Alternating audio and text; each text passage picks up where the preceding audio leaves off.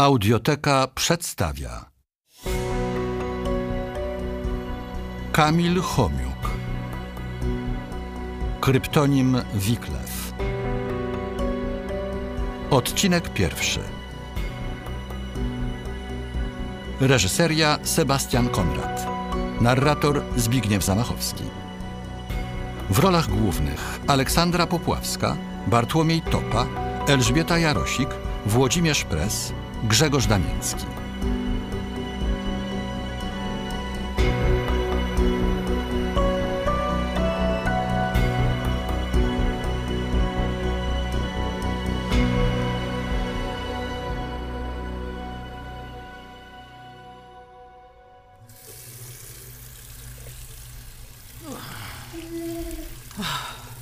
No już, już, już, moja kochana. Ja już idę do ciebie, już. Czekaj. Spokojnie, spokojnie. Spokojnie. O Jezu, ja cię muszę... Muszę cię trochę przesunąć, Boże, jaka to ciężka jest. Czekaj. O, zaraz. Zaraz zrobimy porządek. Przecież nie będziesz tak leżeć we własnych szczynach. Płukanie brudnych szmat nie należało do codziennych zadań Elżbiety. Stara bazuka, dog niemiecki, była członkiem jej rodziny. Właśnie zdychała. Wiotczały jej mięśnie. Nie mogła się podnieść i robiła pod siebie. Nie było ważne, że na co dzień wypucowana willa teraz tonęła w smrodzie. W końcu bazuka była z nią w chwilach osamotnienia, kiedy Elżbieta mogła liczyć tylko na siebie. Razem wprowadzały się do odrestaurowanej willi w Konstancinie pod Warszawą jakieś 10 lat temu. Czekaj, jeszcze tutaj. Wytrzemy. O. Kochana bazuka. Moja ty psino. Tak ci przyszło na stare lata. Co ja bez ciebie zrobię? No, no co? Czekaj, zaraz damy tabletki.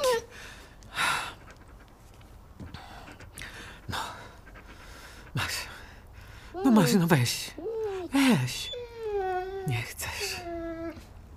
A, może masz rację. Co robić?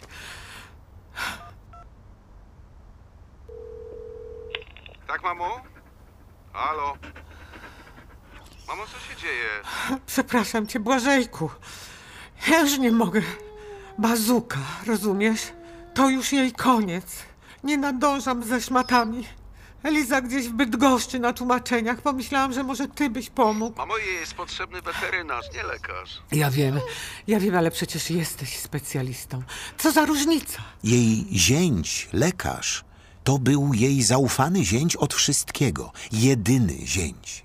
Jedyny mężczyzna, któremu ufała, na którego mogła liczyć. Nie mogła przecież liczyć na swoją egoistyczną córkę.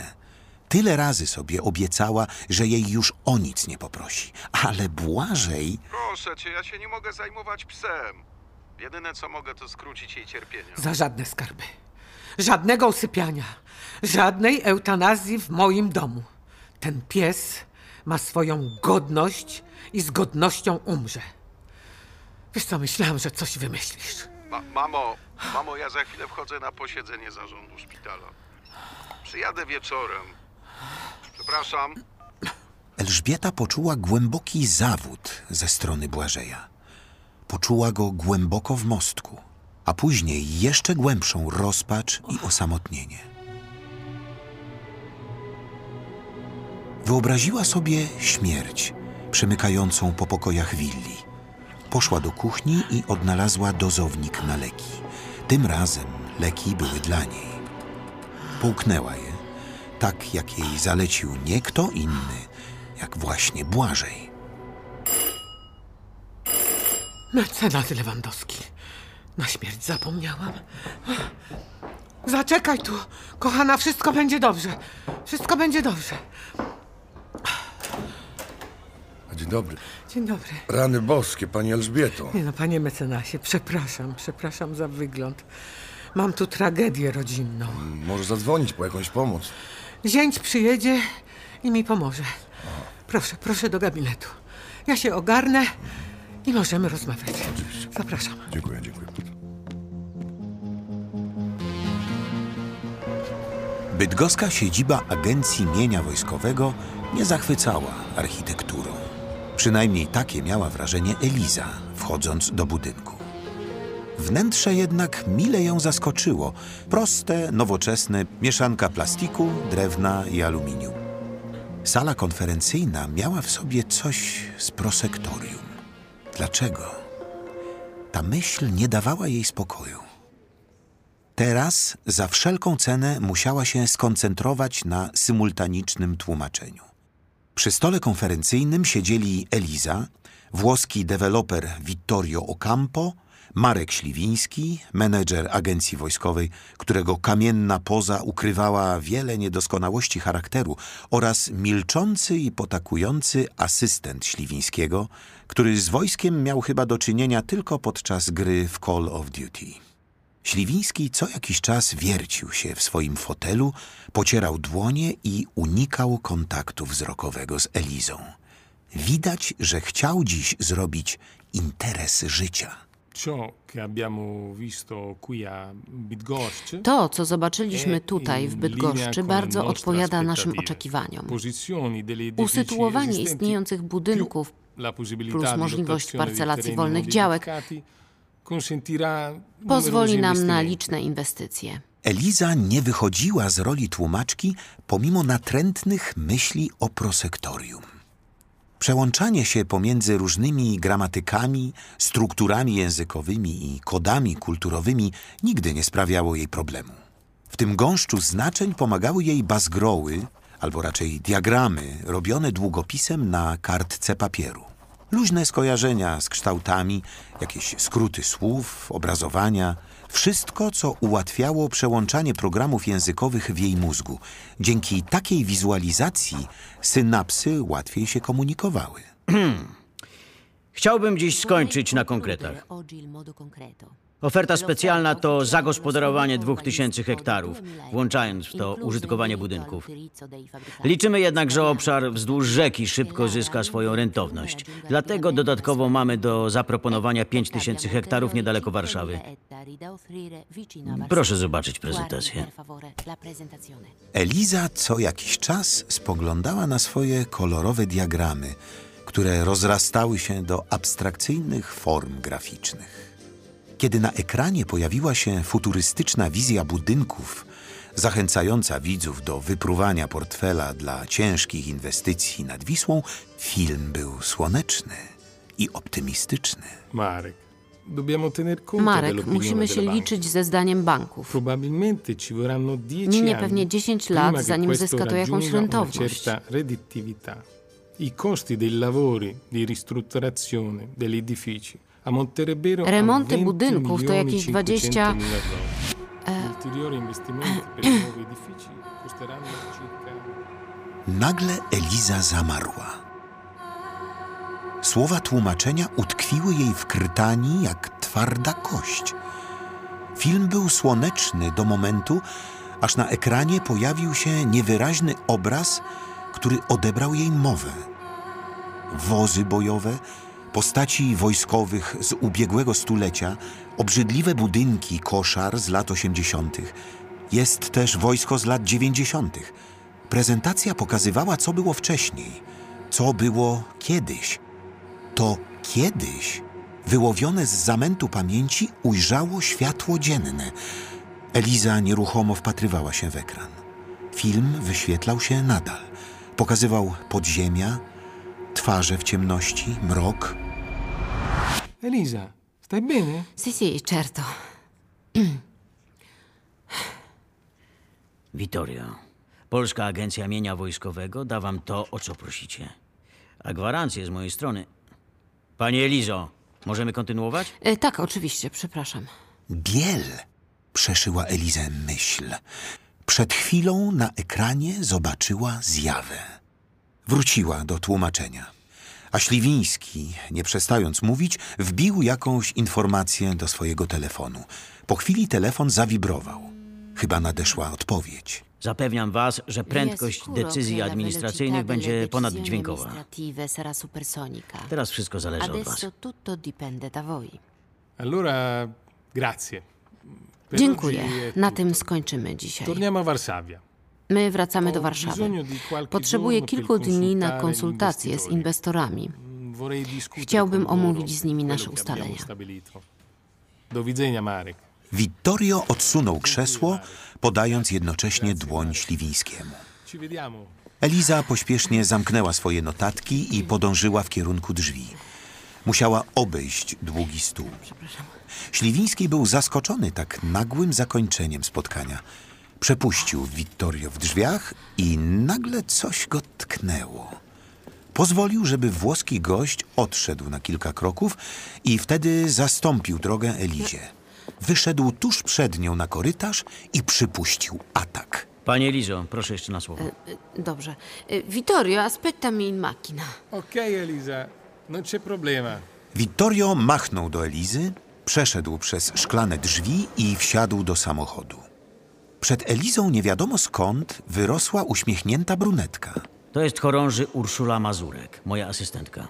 Będzie świadkiem. Kurwa, ilu on ma asystentów? Tknęło Elizę. I już wiedziała, że jest coś nie tak. Słowo kurwa zawsze pojawiało się jako jej wewnętrzny sygnał ostrzegawczy. Dzień dobry. Mm, O co chodzi? To może przejdźmy tu obok. Składzik sanitarny? To jest jakiś żart? Nie, proszę pani. Mówię poważnie.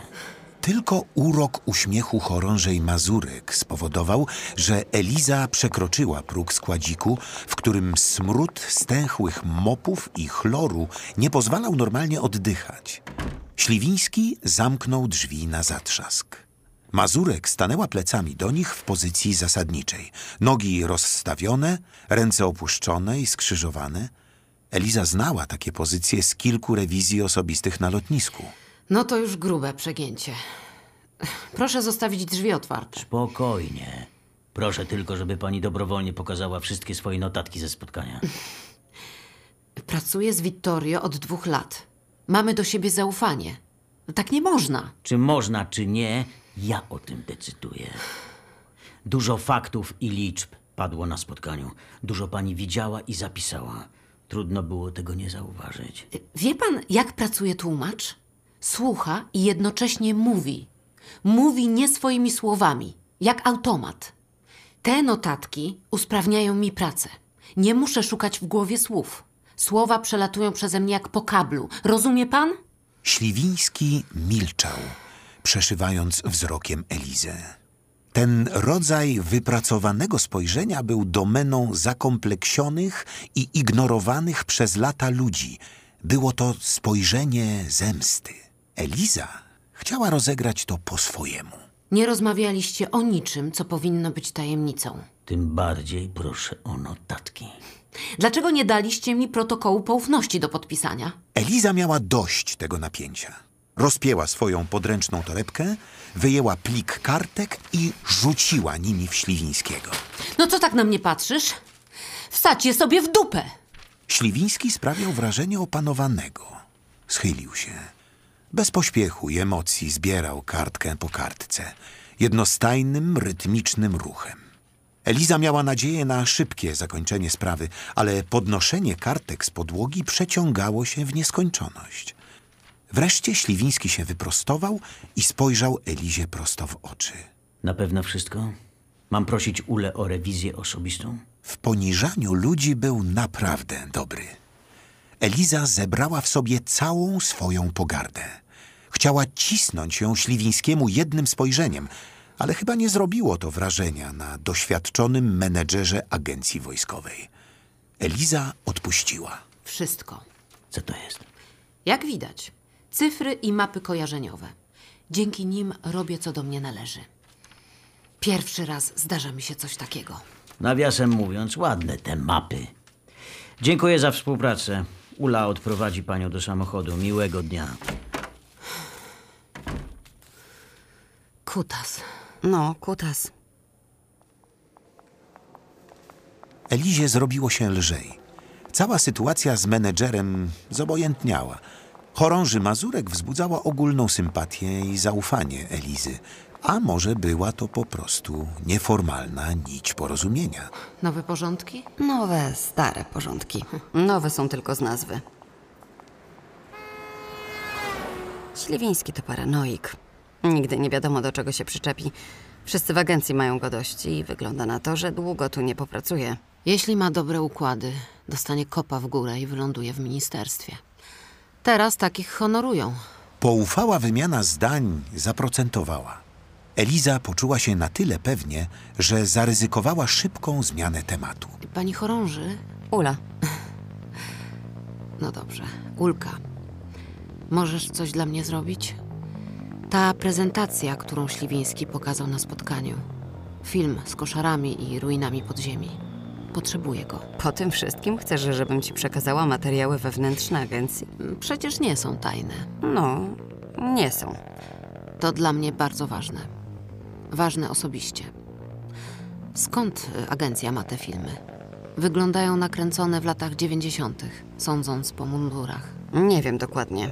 Mm, Materiał filmowy to jakieś śmieci. Podobno znalezione w Modlinie w zapomnianej sekcji archiwum MON. W starych magazynach co chwilę coś znajdujemy. Tam akurat był skład VHS-ów i szesnastek. Taśmy wideo praktycznie nie do odratowania. Wiem, że kiedyś filmowano eksperymenty batalistyczne i większość tych taśm to tego typu zapisy. Mogę popytać, co się z nimi stało. A co? Patrzyłam na ten film i zobaczyłam ducha. Ducha? Wydaje mi się, że był na nim mój ojciec. Zaginął wiele lat temu, no i przepadł. Zapadł się pod ziemię, wyparował. Nie wiem, jak to określić. Bez wieści, rozumiesz? A teraz się pojawił, tak znikąd. Wiesz, agencja nie prowadzi egzorcyzmów, ale jeśli chcesz. Eliza Rudzka, tłumaczenia. Znasz moje namiary. Ewentualnie znajdziesz je w internecie. Ustalę, popytam i zadzwonię. Lepiej, żeby to się odbyło poza Śliwińskim. Eliza i chorąży Ula Mazurek podeszły do samochodu, w którym już czekał Vittorio. Ula uśmiechnęła się do Elizy i ku jej zaskoczeniu otworzyła przed nią drzwi samochodu. Zbytnia uprzejmość? A może po prostu chce się mnie jak najszybciej pozbyć i zatrzeć nieprzyjemne wrażenie? Nie zadzwoni, przemknęło przez myśl Elizie. Dziękuję. Ula Mazurek, stojąc w deszczu, zapaliła papierosa. Nie miała już uśmiechu na twarzy. Eliza, jadąc w samochodzie obok Vittorio, nagle znalazła się na końcu świata, na granicy swojej młodości. W odległych czasach w wojewódzkim mieście Piła, gdzie od służb mundurowych aż się roiło. Były tam wojskowe jednostki zmotoryzowane, lotnicze, a także szkoła milicji obywatelskiej. Był tam też klub Magiel, służący za salę prób. Próbowały tam trzy punkowe kapele. Framuga, Lux Sex i Delirium Władzy. Wtedy były to licealne podrygi muzyczne. Można powiedzieć, wbrew wszystkim nienawistnym punkowi publicystom, że Magiel to antysystemowy poligon, gdzie łamano wszelkie zasady i przekraczano granice. Przynajmniej w mniemaniu zbuntowanej młodzieży. Młodzieży z roku 1988.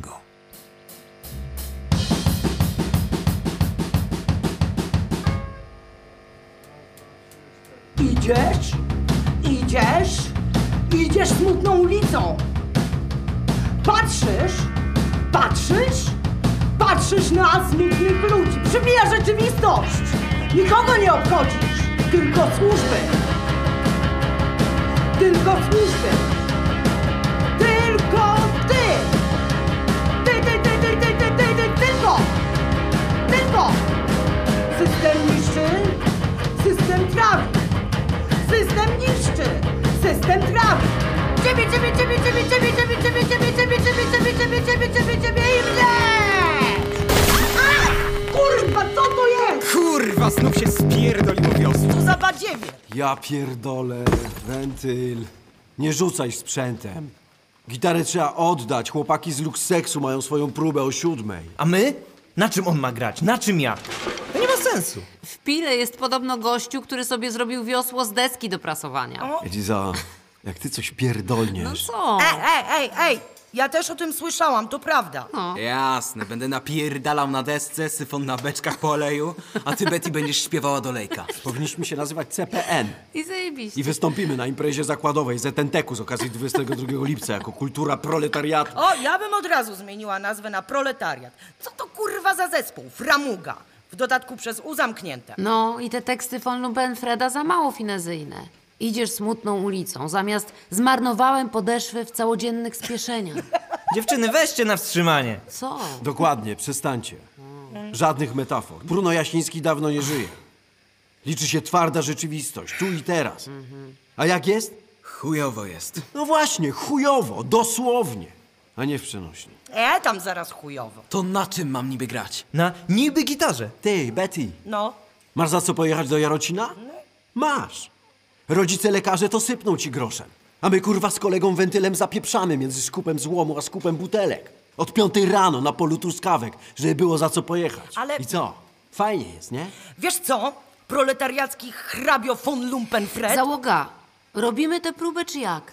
Się po torejko. Właśnie, kurwa. Idę do domu, nie mam na czym grać. Ej! Matka gołąbki zrobiła. Wentyl, no co ty, no trzeba naprawić to wiocho i gramy. To jest pojebane. Trzy zespoły grają na jednej gitarze. Mówię wam, znajdźmy tego gościa, co robi gitary z deski do prasowania. No, Eliza, kurwa, zamknij się już.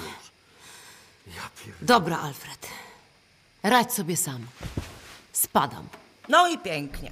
Teraz Eliza i Lumpenfred przez miesiąc będą się przepraszać i nie będzie żadnych kurwa prób. Zajebiście. Kurwa.